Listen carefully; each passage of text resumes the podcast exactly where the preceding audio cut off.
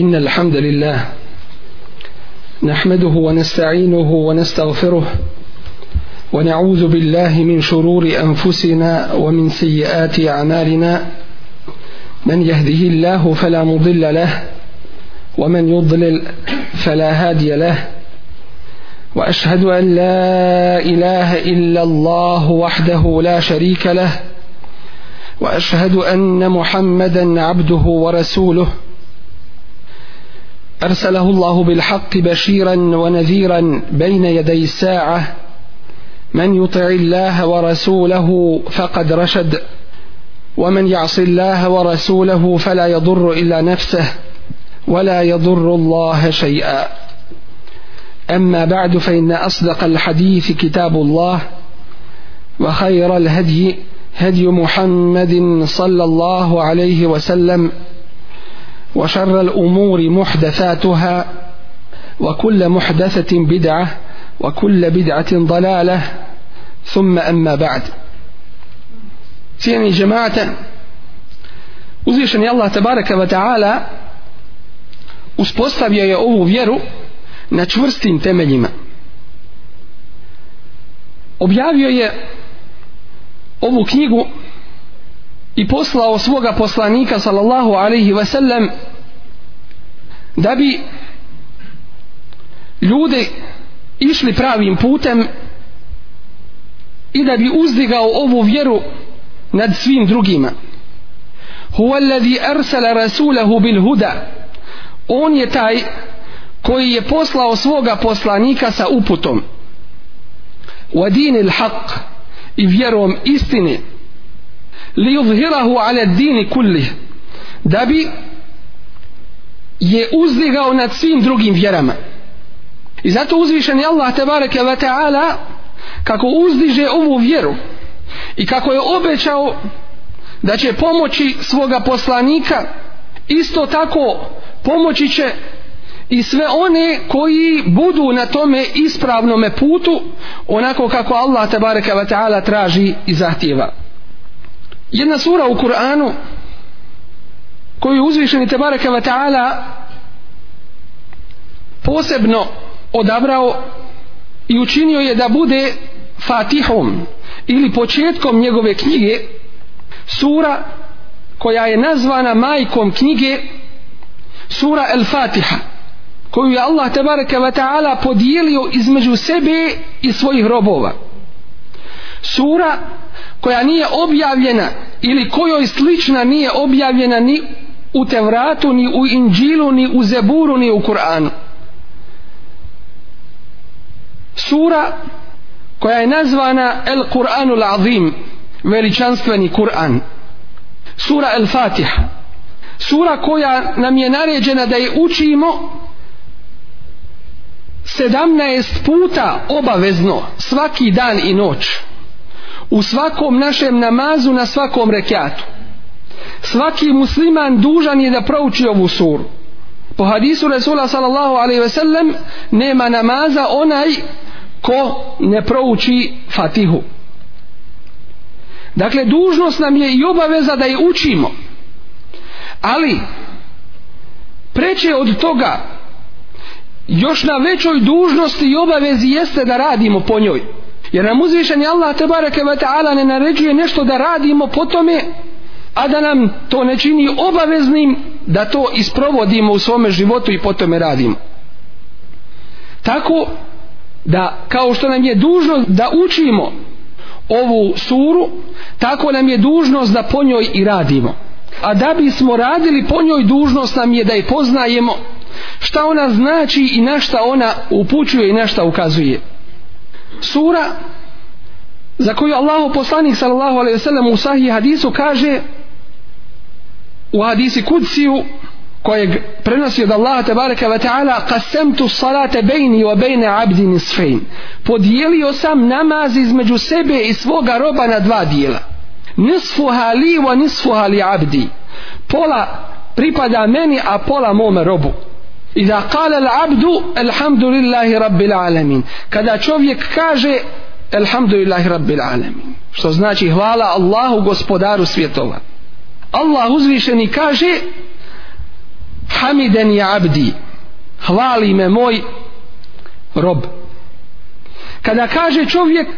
Ar-Rahman rahim kaže uzvišeni Allah tabaraka wa ta'ala, esna alejje abdi, pohvalio me je moj rob kada kaže čovjek maliki je umi din vladaru sudnjega dana ili posjedniku sudnjega dana kaže Allah tabareke wa ta'ala med džeden i abdi veliča me i slavi me moj, moj rob u drugom rivajetu fe uvada ili je abdi prepušta mi se moj rob A kada čovjek kaže iyyake na'budu wa iyyake nasta'in, samo tebi Allahu ibadet činimo i samo se na tebe oslanjamo, kaže Allah te bareke ve taala, "Haza baini wa baina 'abdi." Ovo između mene i mog roba. Wali 'abdi ma sa'al, i mom robu pripada ono što traži. To jeste, ovo je ugovor između mene i moga roba. Ja ću mu dati na osnovu ovoga ugovora ono što on bude tražio što znači da je potrebno da si svjestan toga ibadeta i što je potrebno da znaš šta on za sobom povlači i šta on od tebe kao Allahovog groba traži. Nakon toga kada čovjek kaže ihdi nas siratal mustaqim uputi nas pravim putem siratal ladine namte alejim putem onih kojima si podario svoje blagodati gajri il magdubi alejim ne putem onih na koje se rasrdio wala dalin niti putem onih koji su zalutali kaže uzvišeni Allah hadali abdi ovo pripada mome robu wali abdi ma sael ja dajem svome robu ono što traži dakle daje mu hidajet daje mu uputu pravim putem ovo je naj obuhvatnija naj šira sveobuhvatna dova koju čovjek može da uči da tražiš hidajet od Allaha tabaraka wa ta'ala hidajeta ima više vrsta u ovome slučaju u ovome značenju da te Allah tabaraka wa ta'ala učvrsti na pravome putu da do kraja svoga života budeš ustrajan i ispravan da se ne pokolebaš da ne odustaniš da ne posustaniš da se ne odrekneš istine i rada po njoj. Isto tako da ti Allah te bareke ve taala poveća njegovu uputu. Da ti poveća njegovu uputu u svemu, kako u znanju, tako i u tvome radu i tvojim dijelima. Isto tako u svim tvojim dijelima da ti Allah dadne svoju uputu. U svemu što radiš i svemu što obavljaš na ovome svijetu. To je taj ugovor i to je taj ajet koji se nalazi u sredini sure El Fatihi. Pominje se u predajama od Hasan El Basrije da sve objavljene knjige koje su sišle prije Kur'ana da njihova značenja i poruke sadrži Kur'an a da ono što sadrži Kur'an sadrži sura El Fatiha a da ono što sadrži sura El Fatiha sadrži jedan ajet u njoj, a to je Iyake na'budu wa iyake nesta'in. Samo Allahu tebi ibade činimo i samo od tebe pomoć tražimo. Zbog toga smo i stvoreni na ovome svijetu i to je taj ugovor za koji ćemo biti pitani na ahiretu. Čovjek svakodnevno na pet dnevnih namaza i na drugima uči ovu suru moramo i dužnost nam je da budemo svjesni njenih značaja i njenih poruka. Obraćaš se Allahu te baraka wa ta'ala, a On ti odgovara. Šta misliš ako učiš ovu suru, a uopšte nisi svjestan šta učiš i kako učiš? Kad je proučiš, sjetiš se ili pomisliš šta ću sad učiti. Često se ne misli o značenjima u namazu ako se okreneš u namazu svojim tijelom gubiš namaz pokvaren ti je namaz ali ima nešto drugo čega ljudi često nisu svjesni a to nije ovo fizičko okretanje od namaza i u namazu nego je ovo okretanje mislima da misliš o nečemu drugome a ti pred Allahom te baraka wa ta'ala i obraćaš mu se a ti nešto drugo misliš kada se ti svojim mislima okreneš od Allaha te bareke ve taala i on se okrene od tebe koliko si ti svjestan svoga namaza i prisutan u njemu toliko će ti biti od toga tvoga namaza i upisano kod tebe Pa budi oprezan u pogledu svoga namaza jer šeitan pokušava tu, upravo tu, da ti oduzme sevabe, da, da ti pokvari taj tvoj ibadet islamski učenjaci raspravljali su o tome šta je najvrijednije u namazu je li učenje Kur'ana ili seđda i ruku imaju o tome tri svoja stava i mišljenja doćim ono što vidimo iz prakse Allahovog poslanika sallallahu alaihi ve sellem može se zaključiti da je kiraet ili učenje u namazu najvrijedniji zikr a seđda i ruku je najvrijednije dijelo ili radnja u namazu tako bi Resul Ali Selam kada bi oduljio ili kada bi duže učio u namazu dužu i seđdu obavljao i duže se na ruku zadržavao kako bi ova dva ibadeta, zikrullah, spominjanje Allaha tabaraka wa ta'ala s jedne strane i s druge strane seđda i ruku kako bi bili izjednačeni. Ljudi u pogledu Iyake na'budu wa iyake nesta'in ovoga ajeta sure Al-Fatihi dijele se na četiri vrste. Jedna vrsta koja niti Allahu ibadet čini, niti od njega pomoć traži ili čine ibadet ali drugome ali ne Allahu te bareke ve taala ili ne isključivo Allahu te bareke ve taala i pouzdaju se u druge dakle vrsta ljudi koji niti Allaha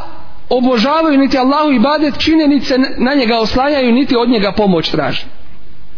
druga vrsta nasuprot ovoj su potpuni mu'mini koji Allahu ibadet čine i od njega pomoć traže. A pomoć ti je potrebna od Allaha te bareke ve taala kako za ovaj ibadet tako i za sve druge tvoje radnje. I zato se kaže la haula wala kuvata illa billah upoznato me zikru la haula šta znači la haula wala kuvata illa billah la te haula nema promjene stanja niti radnje wala kuvata niti ima snage illa billah osim uz Allah tabaraka wa ta'ala ako ti Allah ne pomogne ti prstom svojim ne možeš matnuti ti bilo šta možeš uraditi niti šta možeš u svome životu pokrenuti i šta je onda i gdje su onda riječi nekih koji kažu ja sam to sa svojih pet ili deset prstiju zaradio ne uzubila dakle ibadet Allahu tabaraka wa ta'ala i traženje pomoći u tome ibadetu ibadet koji će te navesti na pokornost dodatnu još višu pokornost i na poniznost uzvišenom stvoritelju tabaraka wa ta'ala وَمَا كُنَّا لِنَهْتَدِيَ لَوْلَا أَنْ هَدَانَ اللَّهِ To će džennet li je govoriti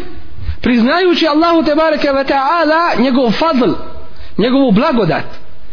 Elhamdulillahi allazi hadana li hadha. Hvala Allahu koji nas je uputio ovome. Wa ma kunna linahtadiya i mi ne bismo bili na pravom putu osim samo sa Allahovom uputom. I tražimo Allahu te bareke ve taala uputu. To je druga vrsta ljudi. Treća vrsta ljudi koji čine ibadet Allahu te bareke ve taala, ali ne traže od njega pomoć i stijane, niti se na njega oslanjaju, niti su svjesni njegove odredbe, niti je prihvataju. Dakle, formalno obavljaju ibadete, a ne dolaze sa, sa suštinom tih ibadeta. Dakle, vidjet ćemo ih da rade i badete u svojoj vanštini, ali nema oslanjanja na Allaha te bareke ve taala. Problem kod takvih jeste da neće imati čvrstoće u svome radu niti u strajnosti, da će kod musibeta oslabiti i popustiti, da će žaliti za onim što ih je promaklo i onim što nisu što nisu dobili od ovoga svijeta. Četvrta vrsta ljudi jeste koja se oslanja na Allaha te bareke ve taala, ali nema onoga ibadeta koji im je propisan. I to ćemo naći kod mnogih koji govore da rade u pogledu odgoja duše, ali su svoje ibadete zapostavili. Upravo u ovome se vidi potpunost jednog mu'mina koji Allahu te bareke ve taala se pokorava i u svojoj vanjštini i u svojoj unutrašnjosti ljudi su se podijelili u pogledu ovoga i zato su neki otišli putem el magdubi alaihim na koje se Allah tabaraka wa ta'ala rasrdio od onih koji su znali kako i bade činiti i šta raditi ali nisu Allahu bili pokorni u tome pa se uzvišeni Allah tabaraka wa ta'ala na njih rasrdio kao što su na krivome putu oni koji su ebalin, koji su zalutali koji nisu znali a htjeli su da rade tako da znanje bez rada ne može niti rad bez znanja isto tako pogledajmo kako nas Allah te bareke ve taala uči u prvoj objavi Iskra bismi rabbi kellezi halak. Uči u ime gospodara tvoga koji, koji stvara. Kako se završava ova sura? Wasjud rabbek. Završava se sura naređivanjem sežde da se Allahu tebareke ve taala čini. Dakle, prvo je znanje, a onda je ibadet Allahu tebareke ve taala. Od poruka mnogobrojnih koje možemo uzeti u ovoj i iz ove sure jeste čisto i čvrsto vjerovanje u Allaha tebareke ve taala.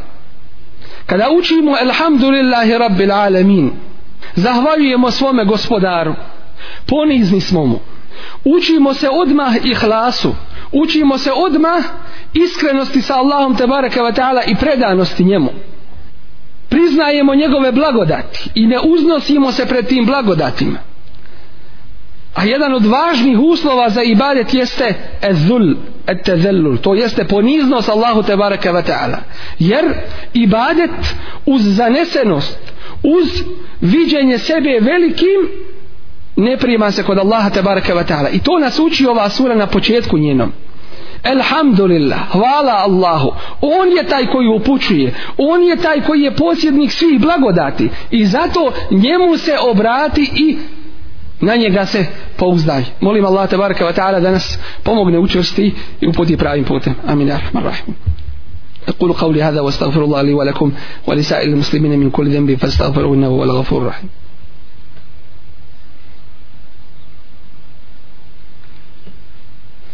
الحمد لله رب العالمين وصلى اللهم على نبينا محمد وعلى اله وصحبه اجمعين ثم ما بعد وهو سوريا تم الفيروفانيا الله تبارك وتعالى سبومي سويا uzvišena imena الله onaj koji jedini zaslužuje da mu se ibadet čini onaj kome se obraćaju njegovi robovi Rab gospodar pa spominje na početku prvoga ajeta u Fatihi početak čovjekov i kraj čovjekov početak čovjekov je to što kaže Rabbul Alemin gospodar svjetova to jeste onaj koji stvara onaj koji svim vlada i svim upravlja onaj u čioj ruci je sve a spominje isto tako svoje ime Allah Allah onaj koji zaslužuje ibadet a to je cilj naš i to je svrha našeg života na ovome svijetu pa objedinjuje početak čovjekov a to je danas je on stvorio i kraj čovjekov a to je ibadet Allahu te bareke ve taala koji treba da bude ispunjen na ovome svijetu Er Rahman Er Rahim Allah te bareke ve taala s jedne strane je gospodar I to je tevhidur rububije, jednoća Allaha te bareke ve taala u njegovoj vlasti i gospodarstvu. I to je od Allaha te bareke ve taala. Od čovjeka je ibadet prema Allahu te bareke ve ili Allahu te bareke ve taala. A šta je ta veza između Allaha te bareke ve taala i čovjeka? To je Ar-Rahman Ar-Rahim, milostiv i samilosni, koji je milostiv svakome, ali je samilostan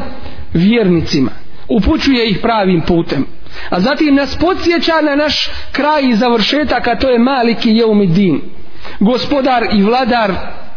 sudnjega dana. Da ćemo se njemu vratiti i pred njim račun polagati za ono što smo radili, za ono što smo radili na ovome svijetu. Govorimo o ovome upravo zbog toga što se često kod nas dešava da se postavi pitanje kada je ova vjera kao što jeste izvorna i čista od Allaha te bareke ve taala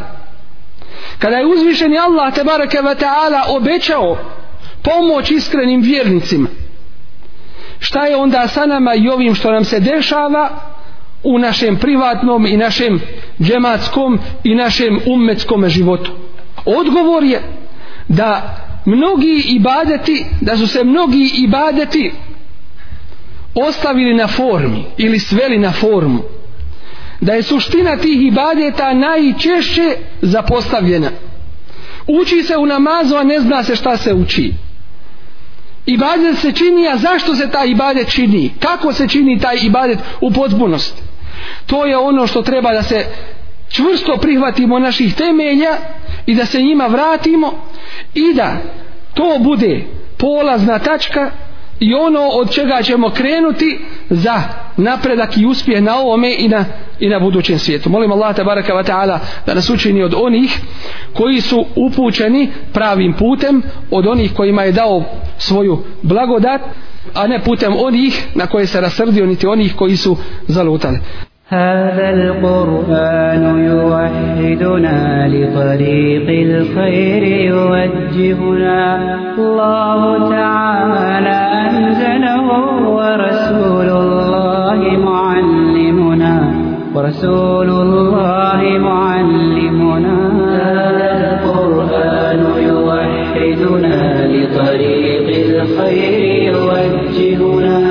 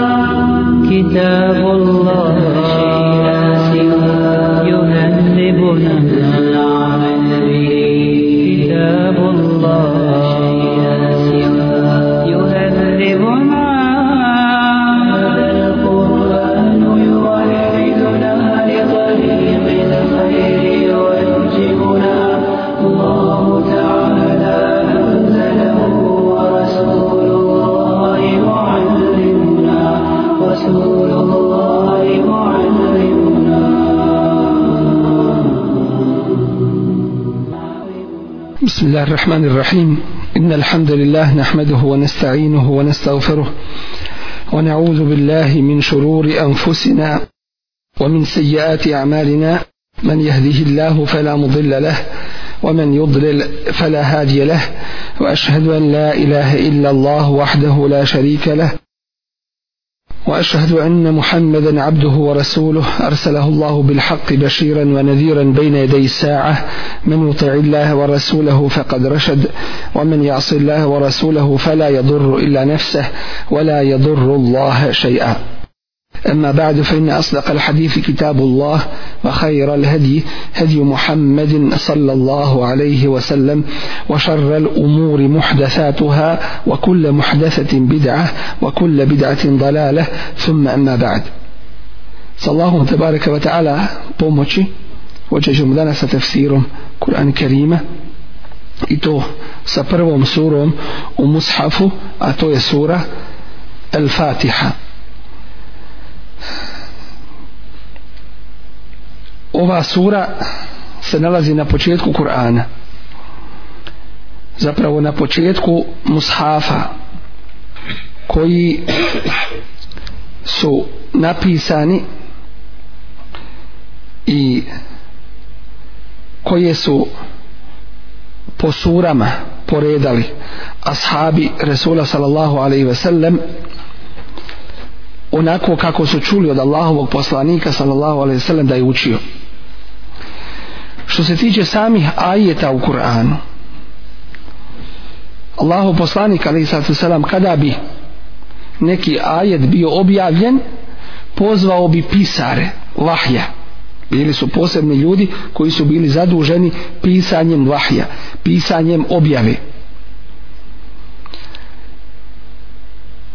jer ovoj knjizi Kur'an Kerimu garantovan je opstanak i da će ga Allah šanuhu, ovaj kitab da će ga Allah sačuvati kao što kaže uzvišeni inna nahnu nezelne zikra wa inna lehu lehafidhun mi smo objavili zikr opomenu to jeste Kur'an i inna lehu lahafadhun mi njega čuvamo dakle neprestano Allahovo te bareka dala čuvanje je nad ovom knjigom pored toga što su ashabi odmah pamtili Kur'an od Allahovog poslanika ali selam direktno iz njegovih usta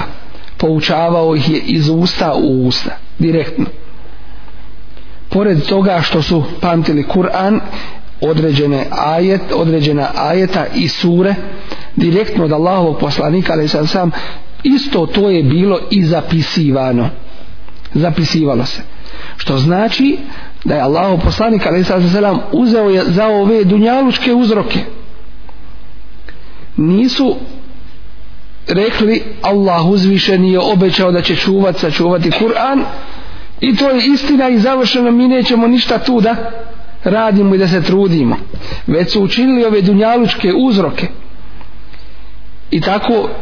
je i nama jedna velika pouka da ne treba očekivati da se nešto desi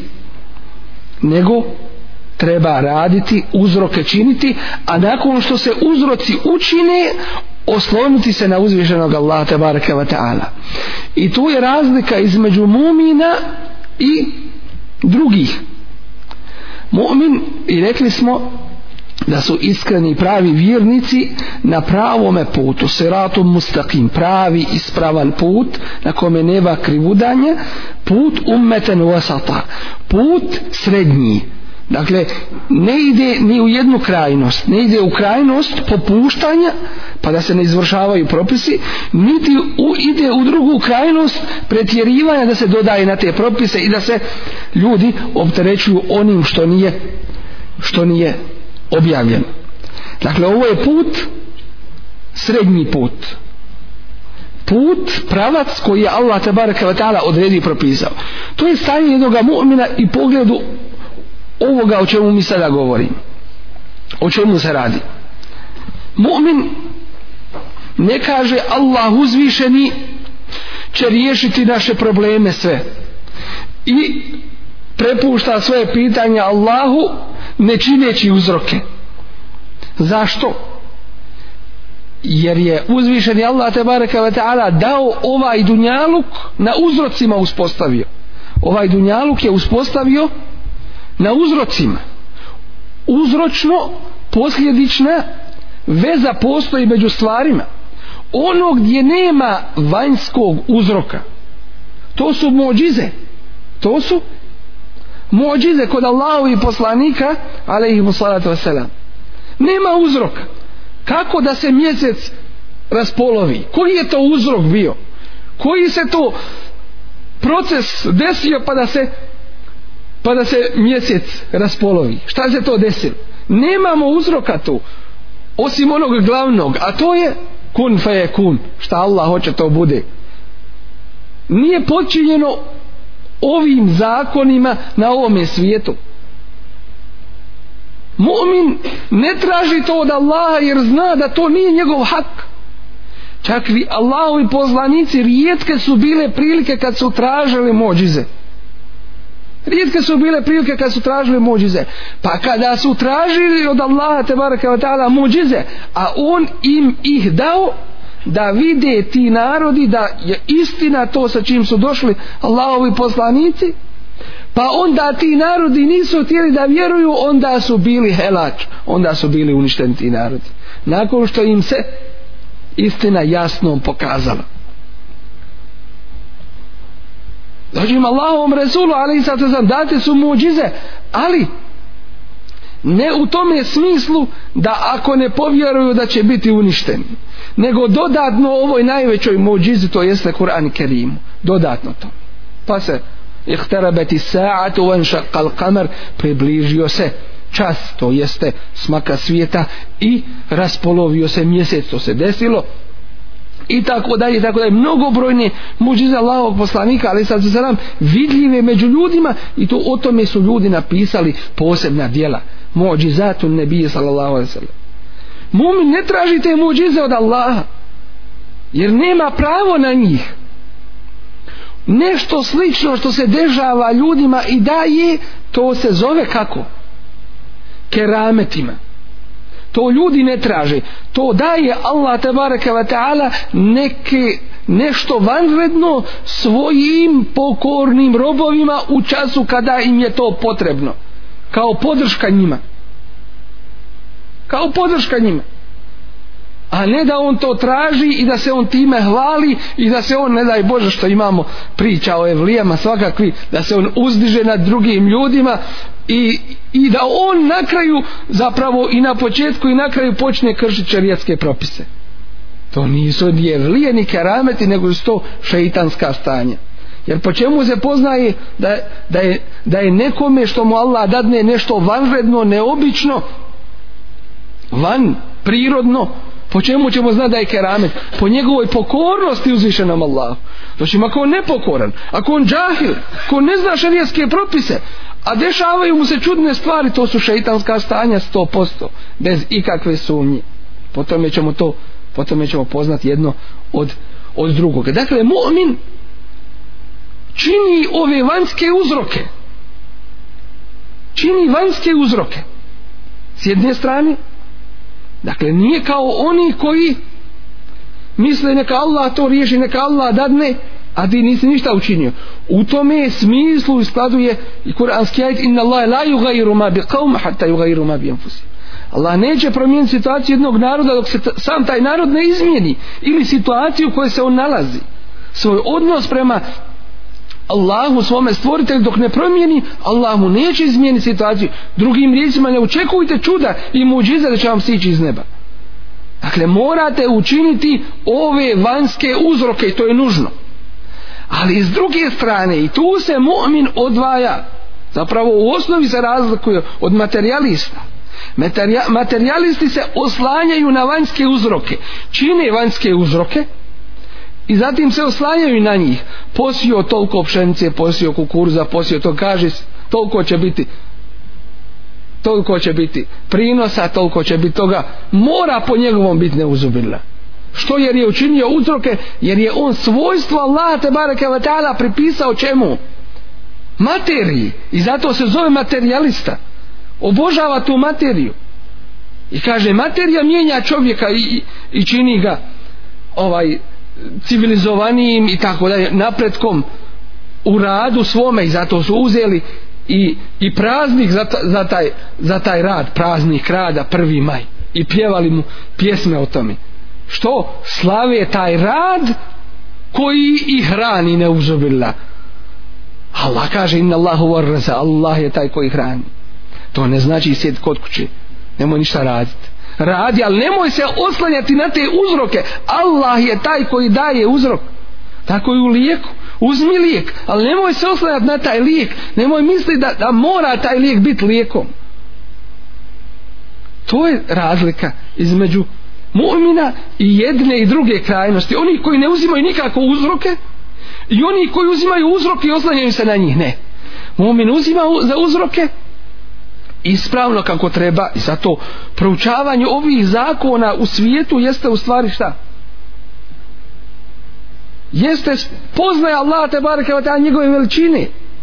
jer on je uspostavio te zakone i ovo savršenstvo koje je oko nas upoznaj te zakone upotrijebi to pokori se Allahu kroz njih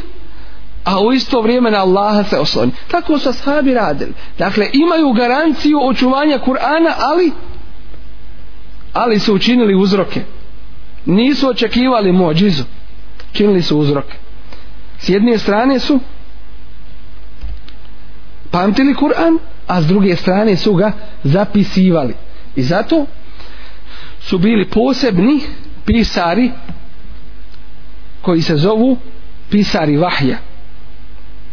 koji su pisali vahji objavu koju im je Allah poslanik ali sad sam kazivao dakle ono što su čuli kako su čuli Resula ali sad sam da uči u svojim namazima i mimo namaza onim redoslijedom to su uzeli i tako su zapisali rekli smo kad je koji ajet bio objavljivan Allaho poslanik ali sad sam bi rekao asabima zapišite ili pisarima vahja zapišite taj ajet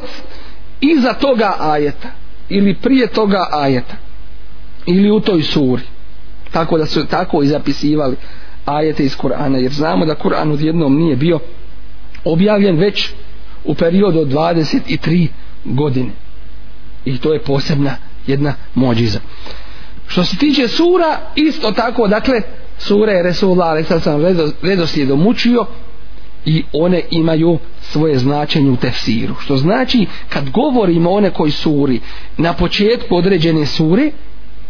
mi govorimo zašto se ta sura tu nalazi o mudrosti što se određena sura nalazi na određenom mjestu zato i mi govorimo ovdje o suri El Fatiha što se nalazi na početku Mus'afa zašto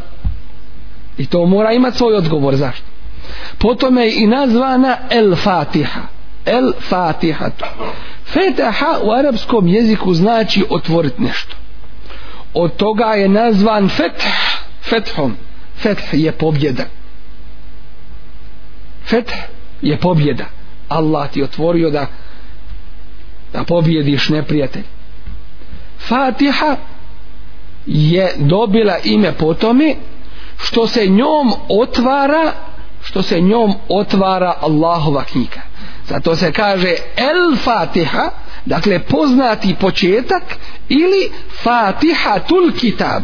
to jeste početak kitaba i knjige sa, po, samo po sebi to ima svoje značenje a to je da ova sura u sebi sadrži značenja na koja nam ukazuje ostatak Kur'an i Kerima o tome ćemo inša Allah podrobnije da progovorimo dakle nije slučajno došla na ovome mjestu kod većine islamskih učenjaka ona se naziva Ummul Kitab Ummul Kitab majka knjige u arapskom jeziku da se podsjetimo na to sve što dolazi na početku ili sve što obuhvata ostale dijelove i pojedinosti naziva se ummun majka nečega zato se zove Mekka kako umul kura majka svih gradova zašto se zove majka svih gradova zato što ona utiče na sve ostale zato što je odatle svjetlost vahja i objave proširila se među ljudima na čovječanstvo Thank you. Fatiha rekli smo dakle da se zove Fatihom zato što se njom počinje učiti e, Kur'an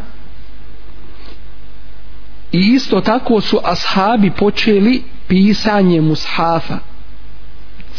zato što je mushaf, zato što je Kur'an bio napisan za vrijeme Allahovog poslanika ali sam sam na raznim pločama na kožama na listovima palmi i tako dalje. Pa su sakupili nakon toga ashabi, pored onoga što su znali na pamet, sakupili su to u jednu knjigu koja se nazvala Mushaf ili Mushaf el Imam, glavni Mushaf. Sakupili su to sve ovo što je bilo objavljeno za vrijeme života Allahovog poslanika sallallahu alaihi wasallam od naziva od naziva koji su još spomenuti u pogledu u pogledu Fatihe spominje se da je od imena Fatihe Elhamd zahvala zato što se počinje sa sa zahvalom Allah zapravo sa hvalom Allahu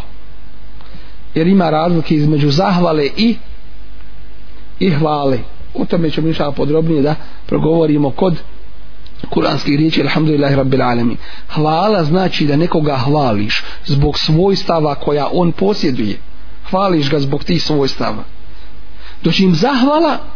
to je da čovjeku zahvališ na nekom dobročinstvu koje je tebi učinio što znači hvala može biti i bez direktnog učešća u dobročinstvu prema nekom dakle hvala zbog svojstava koje neko posjeduje ova sura se zove surom Elhamd suratul Hamd znači sura zahvali Allahu te barake wa ta'ala isto tako se zove ova sura es salatu namaz a šta znači namaz u stvari namaz u arapskom jeziku u osnovi znači dua, dova. Potom je namaz dobio ime namazom. Kod nas prevodi se kao namaz, klanjanje. Doći u arapskom jeziku el salatu znači dova. Što znači da je srž i suš, suština namaza šta? Dova obraćanja Allahu te bareke ve taala. A dova to je srž i suština ibadeta. A ibadet je srž i suština onoga zbog čega smo došli na ovaj svijet. Pa je to sve jedno uz drugo povezano i zato nema, nema čega muslimana bez, bez namaza. Nema muslimana bez namaza. I o tome ću inšala progovoriti. U hadisu koji je sahih gdje se kaže kasem tu salate bejni wa bejne abdi nisfejn podijelio sam namaz između sebe i moga roba kaže Allah tabaraka wa ta'ala ovo je hadisi kudci rekao ga Allah poslanik ali sam ali prenosi od Allaha uzvišenog kaže podijelio sam namaz između sebe i svoga roba na dva dijela ovdje se misli podijelio sam fatihu i nazvana je fatiha namazom ili dovom salatom ili dovom a u stvari fatiha jeste suština fatihe jeste u stvari dova Allahu te bareke ve taala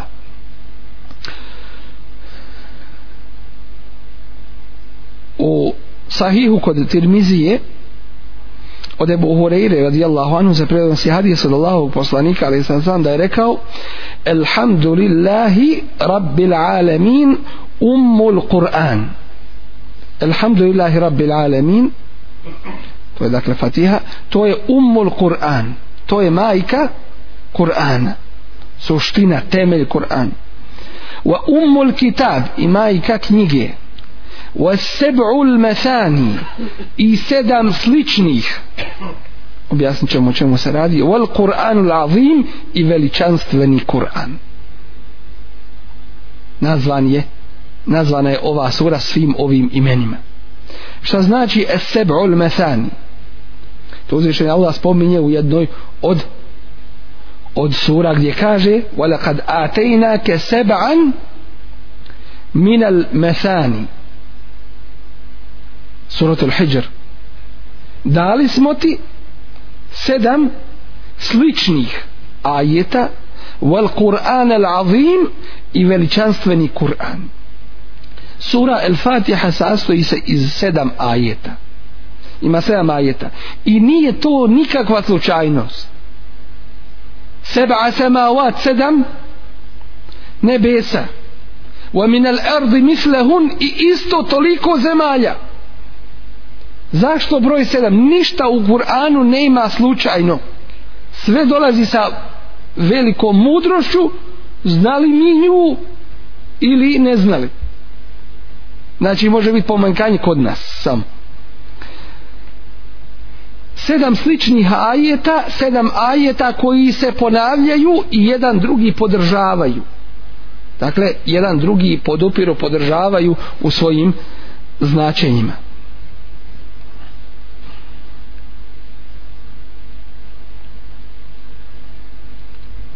Isto tako ova sura je nazvana imenom Ešifa, lijek. Da je ona lijek. Lijek po rivajetu kojeg bilježi imam Darimi od Ebu Sa'ida od Allahovog poslanika sallallahu alaihi ve sellem da kaže Fatihatul kitabi šifaun min kulli sum Fatihatul kitab ili početak knjige jeste lijek od svakog otrova i ashabi su se liječili fatihom učenjem fatihe ovdje govorimo o medicinskom liječenju. Mogu neki reći, kako to sada, to je nešto novo za nas. E upravo smo spomenuli na početku ove uzroke. Ko je uspostavio uzroke? Ko je stvoritelj uzroka? Allah te barake wa ta'ala. Ako kažeš da su oni mikrobi sve mogući neuzubila i da oni utiču i da oni rade i da oni... To je oslajaj na te uzroke neuzubila ima uzroka koje mi ne znamo i zato ti je došla vjera da te pouči stvarima koje ti ne možeš znati ono što je metafizika ono što je izvan fizike što je izvan ovoga materijalnog opipljivoga što ne možeš sa svojih pet čula da da vidiš i da osjetiš to mi zovemo tu metafiziku kako zovemo zovemo gaib šta je gaib u arapskom jeziku uzeto od riječi gabe je ribu gajben šta to znači znači nešto što je odsutno do čega mi ne možemo doći što ne možemo vidjeti što ne možemo doći do njega svojim osjetilima to je gajb za nas nevidljivo nepoznato i zato ćemo naći da upravo oni koji su htjeli o tome da govore a nisu imali potpore u vahiju, u objavi, da su se razišli na mnogobrojna mišljenja upravo ti filozofi kroz istoriju čovječanstva. Jedan kaže ovo, drugi kaže ono. Govorili ono što čovjek ne bi mogao ni pomisliti. Zašto? Zato što nisu imali upute vahja. Predpostavlja. Stavi svoj mozak iznad i kaže to je tako zato što ja mislim i zato koliko je ljudi toliko je čudi zato je toliko i mišljenja i razilaženja i ne mogu se nikad sastati niti ujedin za tim mišljenjima različita mišljenja vahi o tome vahi o tome govori i zato imamo uzroka za koje mi ne znamo šta znači Hadisima Allahovog poslanika ali sam sam kaže nam se da se pokrije posuda u kojoj je hrana na kad hoćemo leći a ako nemamo čime da je pokrijemo, onda stavimo ud, neko drvo ili kašik u, u, u ovo vrijeme, ili nešto staviš preko te posude i spomeneš Allahovo ime. To ti je. Ljudi prije nisu mogli znaš šta je danas kad su otkrili bakterije, kad su vidjeli ono što nisu prije mogli vidjeti, pa danas vidjeli elektronskim mikroskopima i tako dalje. Kažu, dobro, mi shvatamo kad se pokrije posuda. To su ti uzroci, idu do te granice. Sva tamo kad se pokrije posuda, neće biti izloženo tim bakterijama. Ali šta znači kad spomeneš Allahovo ime pa staviš taj prut ili kašiku ili nešto preko posude? Da će, ga, da će to biti zaštita toj hrani? Jeste, ali ti to ne možeš znati niti dokućiti svojim ni mikroskopom, ni svojim vidom, ni svojim razumom. To moraš reći, amen nabila, vjerujem Allah. I jest tako. I je tako. Ljudi primjećuju i da nije tako mi znamo i vjeruju ubjeđeni smo. Staviš čovjeku ruku na čelo i učiš mu Kur'an kad su uzeli izmjerili ljude kako se mijenja i puls kako se mijenja cjelokupno ovaj krvoto kako to sve ide koje su to promjene odakle ti mučenje pa imaju tajne koje ljudi ne znaju I zato kad kažemo šifa, to kažemo kao izazov savremenoj i modernoj medicini. Istražujte, ovo je naša vjera. Mi se ponosimo njoj. Mi se ponosimo njom. Vi samo možete potvrditi, a nikako opovrgnuti. Vi samo možete vjerovati, a vaše nevjerovanje može proizaći iz inada ili iz vašeg neznanja. Ništa drugog nema dakle lijek isto tako imamo jel de hadiz gdje i o tome ćemo išala progovoriti hadiz gdje je grupa ashaba naišla pored jednoga mjesta pa i nisu htjeli stanovnici njegovi ugostiti i a znate da Musafer ima pravo da bude ugošten e, tri dana i tri noć dođe neko od stanovnika toga mjesta i reče ovaj naš prvak akrep ga je ubo ima li ko među vama da liječi i jedan ashab dođe i prouči mu suru el fatih kao lijek za taj otrov dakle ovo, ovo je Allahov lijek Allahov govor Jer onaj koji je stvorio akrepa i stvorio otrov i dao zakon da taj otrov bude otrovan, je taj koji će poništiti taj otrov. Vi to znate danas u kompjuter, pricneš na dugme i svedeti račun. Kako je tek kod Allaha te barake wa ta'ala? Ne može se ni poreći Allahu. Najbolji primjer pripada. Kaže ovaj hadis, kaže, pa ustade taj bolesnik kao da je odvezan iz okova ustade, zdrav, čitav dakle lijek samo što su ljudi danas napustili ljudi su danas napustili Kur'an stiče učenja, stiče znanja o Kur'anu, njegovih poruka vjerovanja u Kur'an rada po Kur'anu liječenja Kur'anom i tako dalje i uzeli za ove materijalne uzroke uzeli za ovi materijalni uzrok. I vidimo da često ti materijalni uzroci koliko koriste s jedne strane, toliko štete sa, sa druge strane. Isto tako ova sura je nazvana imenom Esasul Kur'an kako se spominje u rivajetu od Ša'bija od Abdullaha ibn Abbas radijallahu radijallahu anhumat esasul Kur'an što znači temelj Kur'ana zašto govorimo ovoliko o imenima Fatihe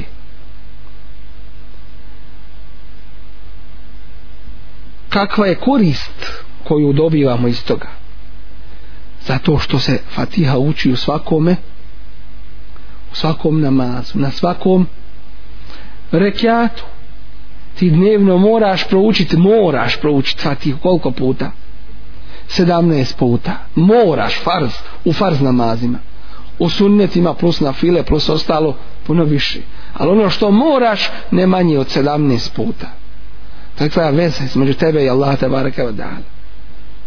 da je održiš, da, ne, da, da se ne prekini. Dakle, treba da znamo zašto je upravo to tako i zašto je to temelj i Kur'ana i temelj namaza samog kad se klanja namaz kako to ima svoje značenje neki od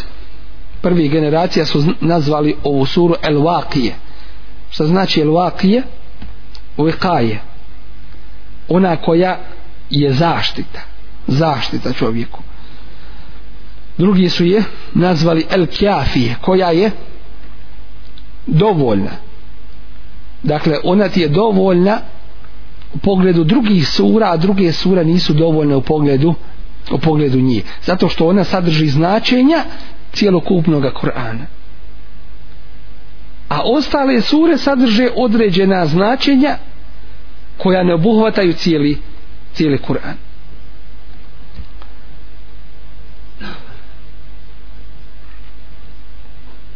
mi smo rekli da se tematika Kur'ana dijeli na tri na tri vrste koje su to Kur'an govori o tri teme temeljne koje su to prva tema jeste akida, vjerovanje govori jedna trećina Kur'ana govori o vjerovanju ispravnom, čistom, izvornom vjerovanju druga trećina Kur'ana govori o čemu o propisima, o fikhu kako ćeš to vjerovanje u praksi da pokažeš kroz tvoj rad i kroz djelovanje. I treća vrsta kazivanja o prošlim narodima. Sad praktično da vidimo. Rekli smo da se u Fatihi spominje sve što se u Kur'anu spominje. Gdje se u Fatihi spominje akida? A znate Fatihu, alhamdulillah se. Gdje se spominje akida vjerovanje? Alhamdulillah, Rabbil Alem zapravo prije toga Bismillah, Bismillahirrahmanirrahim u ime Allaha, što znači u ime Allaha iskrenost učite odmah prvo, prvo što ti je najvažnije u svemu jeste iskrenost, bez iskrenosti nema ništa u ime Allaha, ne u ime drugog milostivog, samilostog učite odmah Allahu, ko je Allah milostiv, samilostav, svojstvo rahmeta i tako da Hvala Allahu, alhamdulillahi rabbil alemin. Hvala Allahu. Dakle, njega da hvališ i uzdižeš i veličaš. Ko je Allah, rabbul alemin, gospodar svih svjetova? Pa kad znaš da si ti jedna karika u tim mnogobrojnim svjetovima koje i ne znaš, a on je gospodar svih svjetova, rabbul alemin, to ti daje uz onu snagu čistog vjerovanja i čvrstog i ponos jednog mumina pa ti si Allahov znaš li šta to znači onoga koji je gospodar svih svjetova ma da staneš pred cijeli svijet pa kažeš ja sam to bujr ja sam to i zar nismo vidjeli da na svijetu ima jedan koji smije da stane ja sam taj svi stanu ne smijem jedan čovjek ima li toga, je li se dešavalo među svijetom u istoriji ja šta je ne... boje se jednog čovjeka ili dvojice ili tako dalje cijeli svijet, što to tako jačina imana ba... ne može ništa pred njega stat to ti je to ti je vjerovanje Er Rahman Er Rahim milostivi samilosni Malik Yawmiddin vladar sudnjega dana svetu akida dobro druga drugi dio a to je fik, propisi fikski. Gdje ćemo naći fikske propise u Fatih? Ko će nam to reći? I ja ke nabudu. Samo tebe Allahu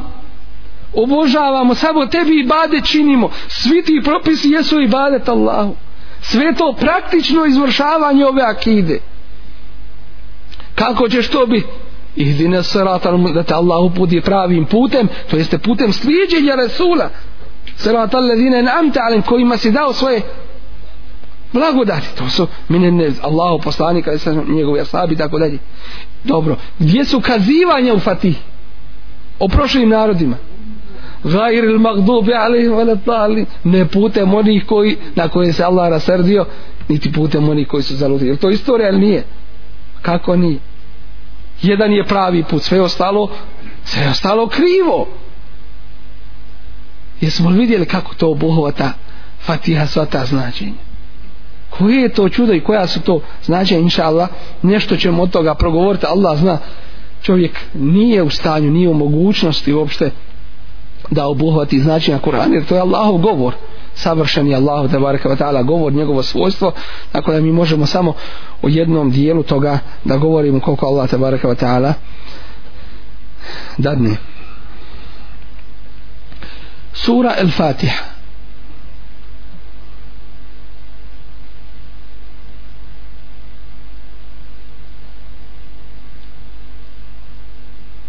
je objavljena u Mekke kako kaže Ibn Abbas i Katade i Ebul Ali i to je najjače mišljenje ima i drugih mišljenja o tome nećemo podrobnije da govorimo neki kažu objavljena je i u Mekki i u Medini drugi kažu objavljena pola u Mekki pola u Medini znači ovo je najispravnije najjače najjače mišljenje samim tim što je ovaj kuranski ajet koji smo prije citirali gdje uzvišnji Allah kaže وَلَقَدْ أَتَيْنَكَ سَبْعَ مِنَ الْمَثَانِ dali smo ti sedam sličnih ajeta wal Kur'an al-Azim veličanstveni Kur'an taj ajet je objavljen u Mekki gdje uzviženi Allah kaže da je već objavio seba'an min al-Mesani sedam sličnih ajeta to jeste da je već objavio Fatih to je jedan dokaz drugi dokaz jeste da je namaz već naređen u u Mekki namaz je već naređen u Mekki kad je namaz naređen na Israu ili na Mirađu na Mirađu Isra je odlazak Resula ali sad sam iz Mekke u u Kudus u Bejtul Makdis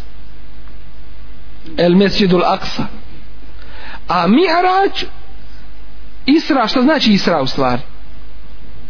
noćno putovanje znači Isra a Mirađ znači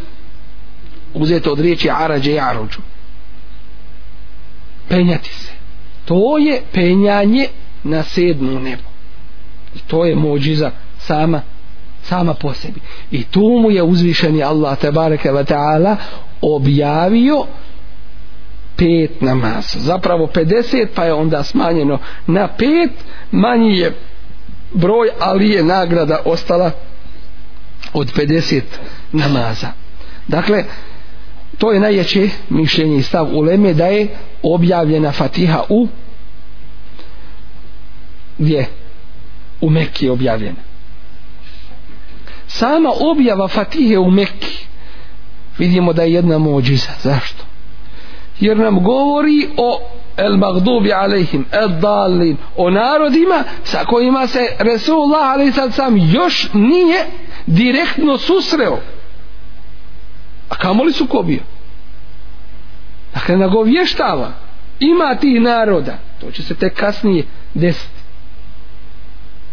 govori nam o suštini islama znači govori nam o konceptu ove vjere odmah na početku koji će se ostvarivati i objavljivati kroz 23 godine pa to da su svi ljudi i svi džini u to vrijeme se sastali ne bi bili u stanju to tako da donesu dakle u stvari Fatiha je koncept ove vjere svega što će biti objavljeno u narednom u narednom periodu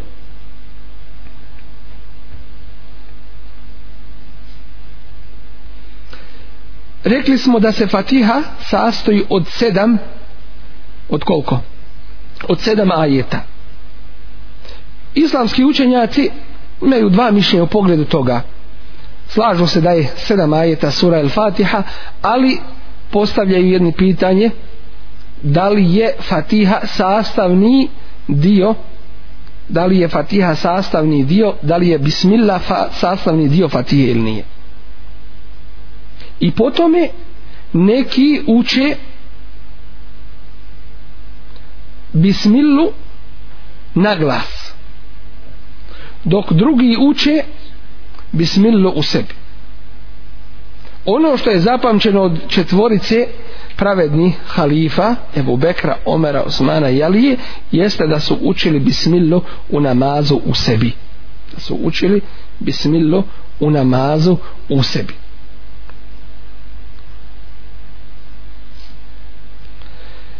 oni koji ubrajaju u fatihu u ajet fatihe, sastavni dio fatihe samim tim prelaze na kuranskome ajetu sirata alladhina an'amta alaihim gajri al magdubi alaihim wala dalin to čine jednim ajetom dakle jedni, čine to jednim ajetom klapaju da je to jedan ajet jer su već ubrojali fatihu u u bismilu u prvi ajet Fatihe. Znači oni koji je nisu ubrojali u prvi ajet Fatihe staju na tome mjestu i uče sirata alladhina namta alaihim i stanu tu. Gajir il magdubi alaihim vala dalin drugi ajet ili sedmi ajet u ovoj suri. Razumili ste ovo? kakva je razlika između ovoga i onoga razlika je u tome što je Allah poslanik ali sam sam stajao prilikom svoga učenja na svakome ajetu pa to ima svoju praktičnu dakle stranu da će stati na tome ajetu gdje smatraju da je kraj završetak ajeta dakle Fatiha ima sedam sedam ajeta bez razilaženja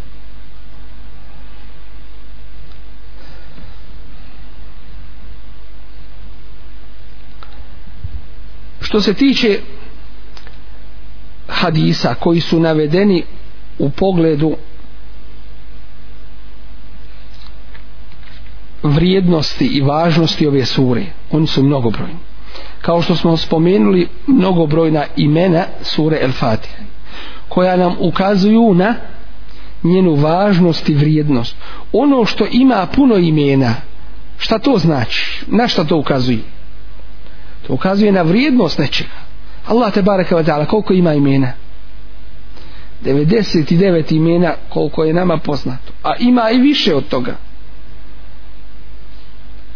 dakle ukazuje na važnost, na vrijednost tako dalje Kur'an i Kerim Allahova knjiga ima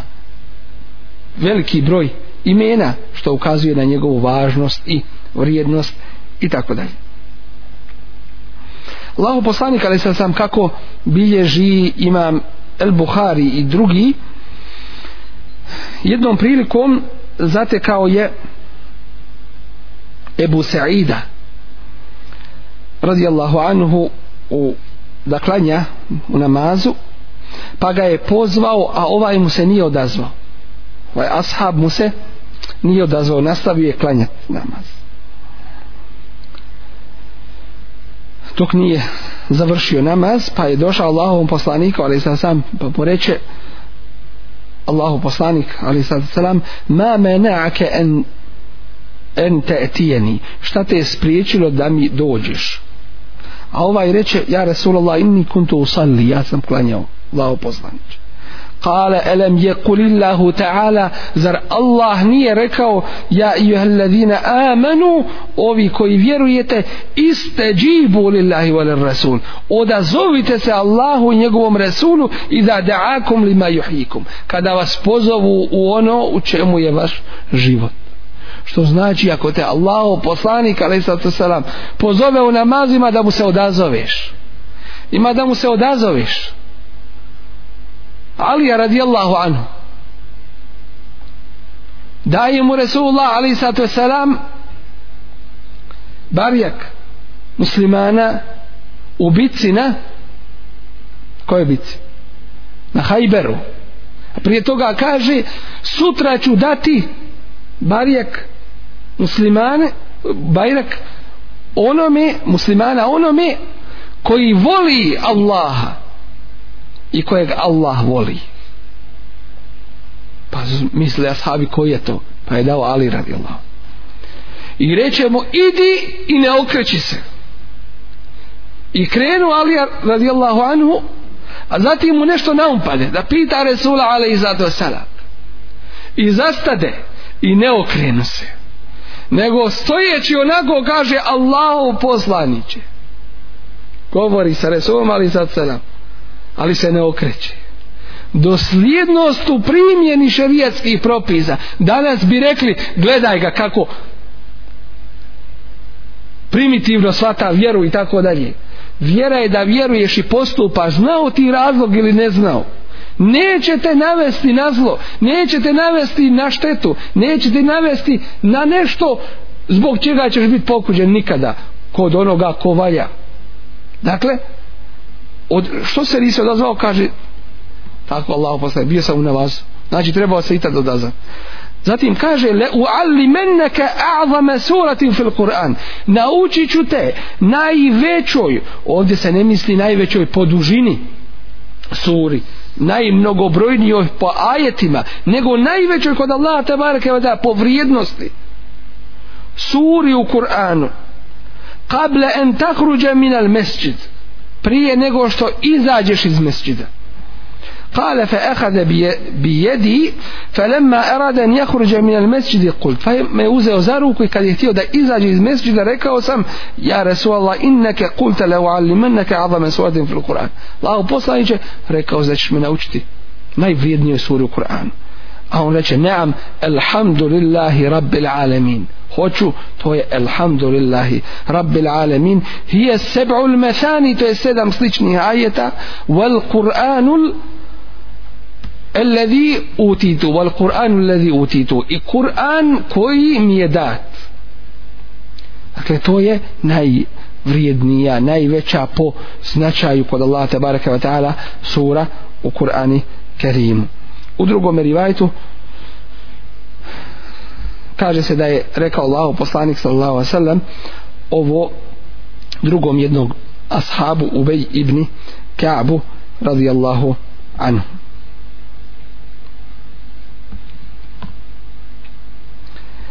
U muslimovoj zbirci hadisa se spominje da je Allahu poslanik sallallahu alejhi ve sellem kad je jednom prilikom kod njega bio melek Džibril da je čuo da je čuo jedan zvuk koji sliči škripi vrata ko što bi se vrata otvarala iznad sebe pa melek Džibril podiže svoj pogled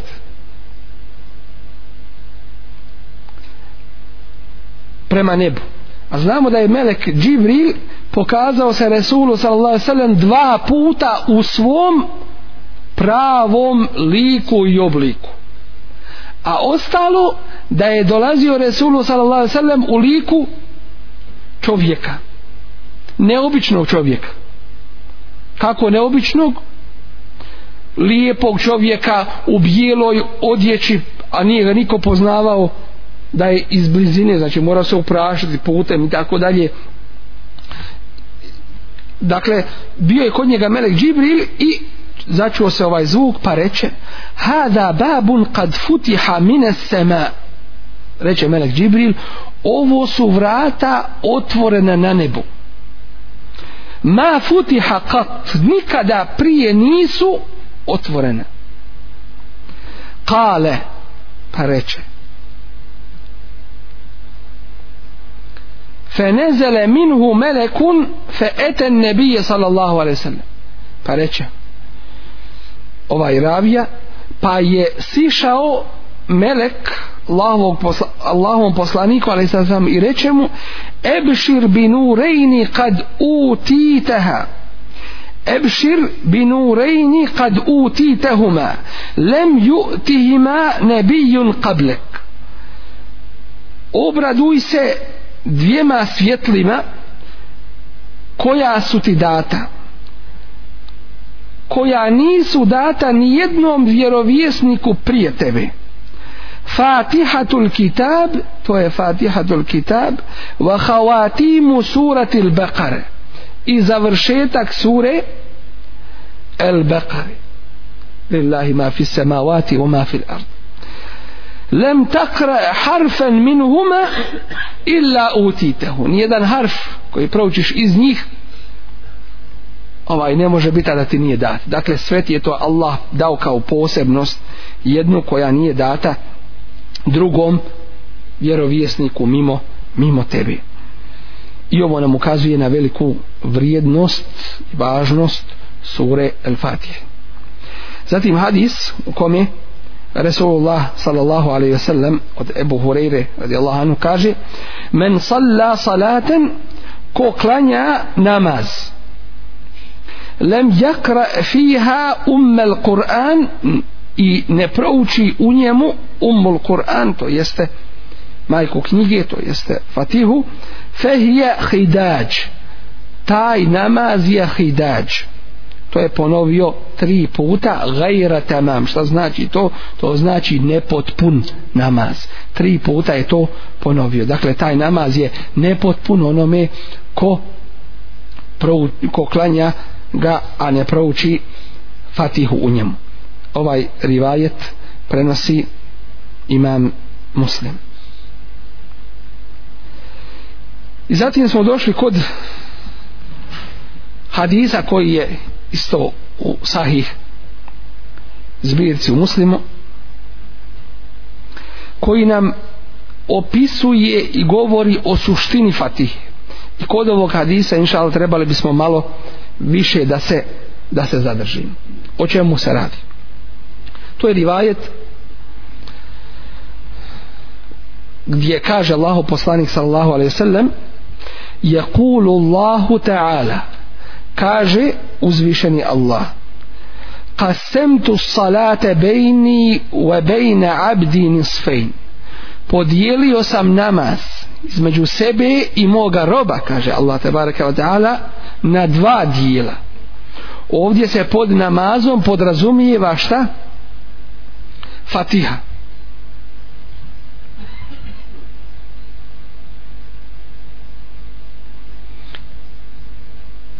u kuranskom ajdu se kaže wala teđher bi salatike wala tuhafit biha وابتغي بين ذلك sebila i nemoj sa svojim učenjem ovdje je salat isto tako došlo u značenju učenje i nemoj svoje učenje da dižeš glas njime niti da ga skroz spuštaš u obitali bejne zalike sebila nego između toga traži sredinu kod učenja Allahovih ajeta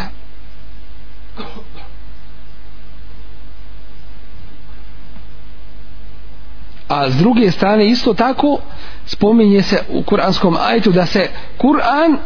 odnosi i na namaz dakle jedno može drugo zamjenjivati to je u kuranskom ajtu suri al-Isra wa Kur'an al-Fajr inna Kur'an al-Fajr kane mešhuda ovdje Kur'an al-Fajr znači salatu al-Fajr namaz sabaski zaista je namaz sabaski kane mešhuda njemu se prisustvuje ko prisustvuje njemu meleki noćni i danski tada se smjenjuju na ikindiji i na i na saba smjenjuju se danski i noćni meleki tada su prisutni tim tim namazima dakle u ovome ajtu se spominje Kur'an kao namaz a u drugom ajtu se spominje namaz kao kao učenje dakle jedno drugo može stajati jedno na mjesto drugoga Dakle, Allah te baraka wa ta'ala u ome hadisu, kaže u hadisi kuciju, podijelio sam namaz, to jeste fatihu, učenje, na dva dijela, između mene i moga roba. Ovdje spominje učenje, odnosi se spominuto učenje na fatihu, što znači da je temelj učenja u namazu šta? Da je temelj učenja u namazu upravo upravo fatiha. Nisfuha li wa nisfuha li abdi. Pola je moje, a pola je moga roba wali abdi ma sa'al a mome robu pripada ono što bude traži fa iza qala al abd pa ka, kada kaže rob kad kažemo rob to znači Allahov te baraka taala rob Allahu služi, Allahu je u pokornosti i to je počasni naziv jednom momen. Ne daj Bože biti ljudski rob, šeitanov rob, bilo čiji rob, rob svojih strasti, položaj, samo Allahov, to je čast i počasni snaga. Kad kaže Allahov rob, Elhamdulillahi rabbil alemi, u namazu, kad kažeš Allahu ekber, i proučiš ko što je Resulullah, ali sad sam učio, nakon nakon tekbira Allahu Ekber, Subhanak Allahuma bihamdika wa tabarak esmuka wa ta'ala jedduka wa la ilaha gajruk. Nakon toga kad pođeš učit Fatihu i kada proučiš Elhamdulillahi Rabbil Alamin Allah kaže Hamideni Abdi hvali me moj rob znaš li ti šta to znači Fezkuruni jezkurkum sjetite me se ja ću se vas sjetiti zapravo Allah tebareke ve taala nikad i ne zaboravlja ali sjećanje Allahovo znači spomen spomenite me ja ću vas spomenuti li zahvaljujte mi wala takfura nemojte biti zahvalni Pazi, u namazu kad kažeš Alhamdulillahi Rabbil Alamin, Allah kaže, ovo je istina. Hadis je sahih u muslimu. Allah kaže, hvali me moj rob. Ali kad kažeš Alhamdulillah, Rabbil Alim, Jer Rahman, Rahim, Maliki, Umidi, ne znaš šta učiš, ne znaš. Nisi prisutan. Samo si nešto od namaza učinio i donio. A šta to? Formu samo. Suštinu nisi. Nek znate da u namazu imaju dva čina koja su najčasnija. Jedan čin se ogleda u dijelima a drugi čin se ogleda u u riječima najčasnije od riječi jeste učenje a najčasnije od učenja jeste fatiha najčasnije od dijela jeste seđda Allahu te baraka wa ta'ala prije fatihe učiš subhanaka Allahuma bihamdika wa tabaraka esmuka wa ta'ala jedduka wa la ilaha ila gajru to ti je kao uvod a nakon seđde učiš šta etehijatu i salavate kao, to ti je kao završnica izlaska iz iz namaza i ovo dvoje je ovo dvoje je usko povezano i dijela i i učenje i suština i zato vidjet ćemo da je suština fatihe i jake nabudu ili srž fatihe i jake nabudu i jake nestajnje A to se sastoji od dvoga. I ja ke nabudu ibadet Allahu, to je ta sežda. I sva pokorna dijela. Wa i ja ke nesta'in, a na tebe od tebe pomoć tražimo to je te na Allah razmišljanje o Allahu od srca da, da osjećaš i da si prisutan u tome svome u tome svome namazu kad kažeš alhamdulillahi rabbil alamin kaže Allah hamidani abdi moj rob me hvali wa iza kale ar-rahmanir rahim kad kaže ar-rahmanir rahim milostivom samilosnom kale Allah kaže Allah esna alejje abdi pohvalu mi upućuje moj rob iz ovoga vidimo ukazuje nam ovaj hadis na veličinu Allaha tebareke wa ta'ala pored njegove milosti da sa svakim robom razgovara kao što će razgovarat na sudnjem danu da neće između tebe i Allaha biti prevodioc direktno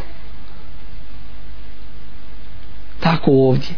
pored toga što ovo ukazuje na Allahovu neizmjernu milost i samilost prema svome robu ukazuje na veličinu Allaha tebareke ve taala koliko ih sada u ovome času hiljada i miliona klanja i svakome a to je istina Allah tebareke ve taala odgovori ovo kako e to je ono kako što se Allah tebareke ve taala ni u čemu ne može porediti sa svojim stvorenjima niti njegova stvorenja sa njim kod nas ako slušaš jednog ne može slušati drugog a kamoli desetoricu u isto vrijeme kod Allah te bareke ve taala nema zapreka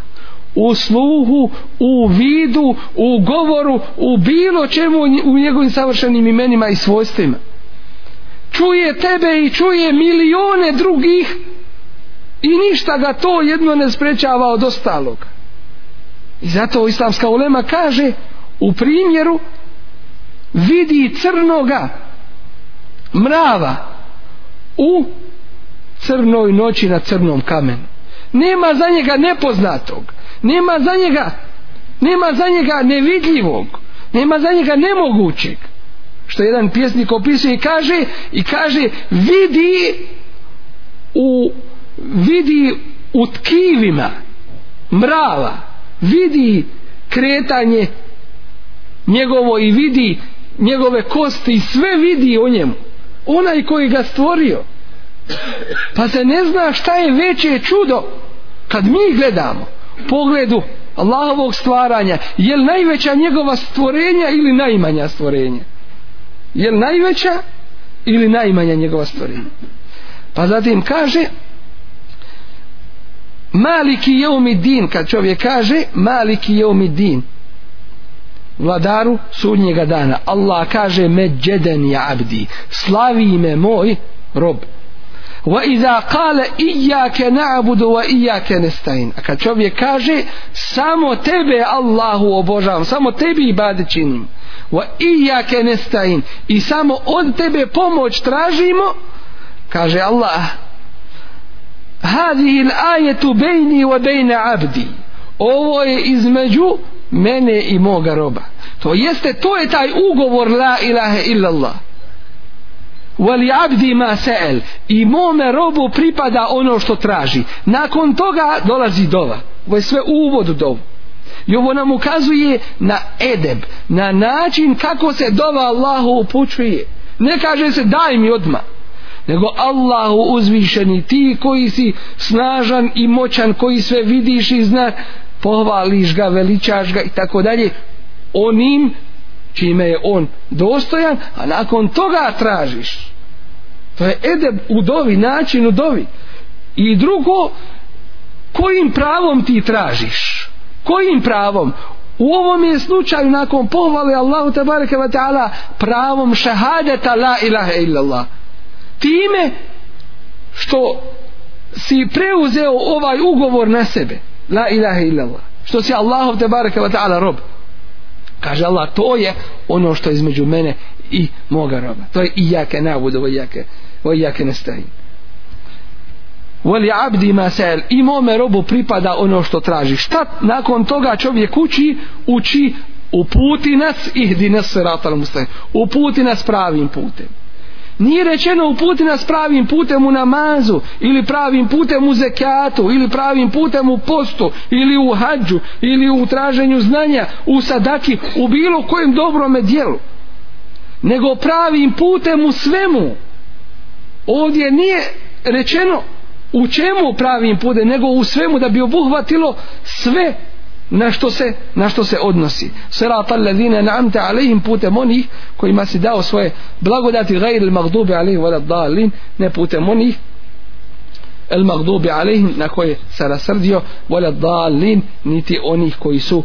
niti onih koji su zalutali i Allah na kraju kaže hada li abdi ovo pripada mome robu wali abdi ma sa'al i mome robu dajem ono što tražim